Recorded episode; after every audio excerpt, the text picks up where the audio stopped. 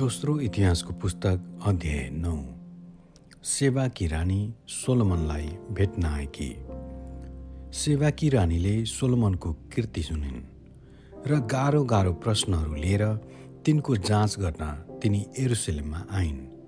तिनी एक अत्यन्तै ठुलो लावा लस्कर साथ मसला प्रशस्त सुन र बहुमूल्य रत्नहरू उठहरूमा लदाएर आइन्। तिनी सोलमन कहाँ आएपछि आफ्नो मनमा भएका सबै कुरा तिनले सोलमनलाई बताइन्। सोलमनले तिनका सबै प्रश्नहरूका जवाफ दिए। कुनै प्रश्नको उत्तर दिन तिनको निम्ति गाह्रो थिएन। जब सेवाकी रानीले सोलमनको बुद्धि र तिनले बनाएको राजमहल तिनको टेबलको भोजन वरिपरि बस्ने तिनका अधिकारीहरू उर्दी पोसाक लाएर तिनका सेवा टहल गर्ने नोकर चाकरहरू तिनका मध्य पियाउनेहरू र परमप्रभुको मन्दिरमा तिनले चढाएका होम बलिहरू देखिन् तब तिनी अवाक भइन्।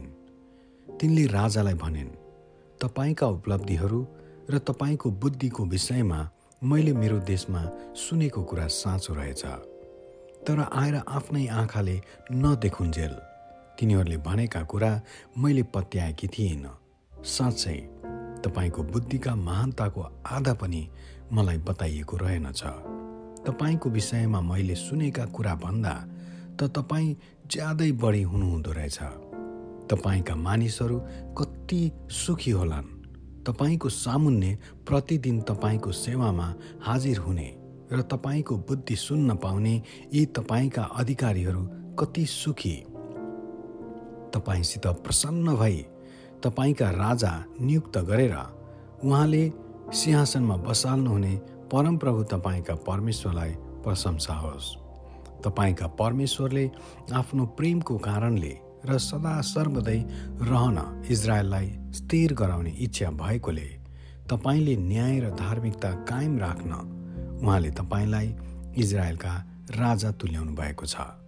त्यसपछि तिनले राजालाई चार टन सुन र प्रशस्त मात्रामा मसला र बहुमूल्य रत्नहरू दिइन्। सोलोमन राजालाई सेवाकी रानीले दिएको बराबर कुनै मसलाहरू कहिल्यै भएका थिएनन्। यी सबै बाहेक हिराम र सोलोमनका सेवकहरूले ओपिरबाट सुन ल्याए। तिनीहरूले चन्दाको काठ र बहुमूल्य रत्नहरू पनि ल्याए। राजाले यी काठहरूबाट परमप्रभुको मन्दिर र राजमहलका सिँढी अनि गवैयाहरूका निम्ति बिडा र सारङ्गीहरू पनि बनाए। त्यस्ता थोक यहुदा देशमा अघि कहिल्यै देखिएका थिएनन्। सेवाकी रानीले ल्याएर दिएका सौगातहरूभन्दा व्रता गरेर रानीले इच्छा गरेर मागेका सबै कुरा सोलमन राजाले तिनलाई दिए। तब तिनी विदा भएर लावा लस्कर साथ आफ्नो देशमा फर्किन्। सोलोमनको गौरव। सोलोमन कहाँ वर्षेनी आउने गरेको सुनको तौल तेइस टन थियो। त्यसबाहेक मालहरू निकासी गर्ने व्यापारी र पैठारीहरूका महसुलबाट पनि राजस्व आउँथ्यो। अरब देशका सबै राजाहरू र प्रादेशिक राज्यपालहरूले पनि राजाको निम्ति सुन र चाँदी ल्याउँथे। पिटेका सुनका दुई सय ठुला ठुला ढालहरू सोलोमन राजाले बनाए। प्रत्येक ढाल बनाउन साढे तिन किलोग्राम सुन लागेको थियो। पिटेको सुनका तिन सय साना साना ढालहरू पनि तिनले बनाए। प्रत्येक ढालमा करिब डेढ किलोग्राम सुन थियो। राजाले लेबनानको वन भनिने राजमहलमा ती राखे। तब राजाले हस्ती हाडको एउटा ठुलो सिंहासन पनि बनाएर त्यसलाई निखुर सुनले मोहरे। सिंहासनमा उक्लिने छवटा खुल्की राखिदिए। र सुनको एउटा पाउदान सिंहासनसँग जोडिएको थियो। आसनका दुवैतिर हात अडाउने बाहु थिए। प्रत्येकको छेउमा खडा भएको एक एकवटा सिंह थियो। छवटै खुड्किलाका दुवैपट्टि एक एकवटा गरी जम्मा बाह्रवटा सिंह थिए। कुनै पनि राज्यको निम्ति यस्तो किसिमको सिंहासन कहिल्यै बनाइएको थिएन। सोलोमनका पिउने सबै कचौराहरू निखुर सुनका थिए। अनि लेबनानको वन भनिने राजमहलमा भएका सबै सामानहरू निखुर सुनका थिए। चाँदीको केही बनाइएको थिएन किनभने सोलोमनको समयमा चाँदीको मूल्य थोरै थियो। हिरामका नाविकहरूसँग तर्सेसमा जाने राजाका जहाजको एक बेडा थियो। तिन तिन वर्षमा एकपल्ट त्यो व्यापारी बेडाले सुन चाँदी हस्तिहाड ढेँडुहरू र बादरहरू लिएर आउँथ्यो। सोलोमन राजा धन सम्पत्ति र बुद्धिमा पृथ्वीका अरू सबै राजाहरूभन्दा श्रेष्ठ थिए।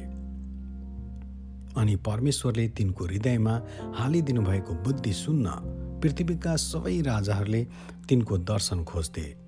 आउने हरेकले आफ्नो सौगात चाँदी र सुनका भाँडाहरू लुगाहरू हात हतियार र मसलाहरू अनि घोडा र खच्चरहरू वर्षै पछि ल्याउँथे।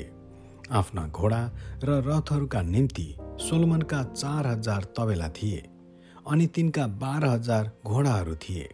तीमध्ये कतिलाई तिनले रथहरू राख्ने सहरहरूमा र अरूलाई चाहिँ आफूसित एरुसलेममा राखे। तिनले युफ्रेटिस नदीदेखि लिएर पलिस्तीहरूको देश र मिश्र देशको सिमानासम्मै राज्य गर्थे। तिनले एरुसलेममा चाँदी ढुङ्गै सरह र देवदारूको काठ चाहिँ पहाडका जङ्गली अन्जिरका बोटहरू सरह धेरै तुल्याए। सोलोमनका घोडाहरू चाहिँ मिश्र देश र अरू सबै देशहरूबाट पैठारी गरिएका हुन्थे। सोलोमनको मृत्यु। सोलोमनको शासनकालका अरू घटनाहरू सुरुदेखि अन्त्यसम्मै नातान अगमवक्ताको इतिहास सिलोनी अहियाको अगमबाडी र नबादका छोरा एरोबामको विषयमा दर्शी यद्वका दर्शनको पुस्तकमा वर्णन गरिएका छैनन् र सोलोमनले एरुसलेममा सारा इजरायलमाथि चालिस वर्ष राज्य गरे। त्यसपछि तिनी आफ्ना पित्रहरूसहित सुते र आफ्ना पिता दाउदको सहरमा गाडिए। तिनीपछि तिनका छोरा रहबाम राजा भए। आमेन।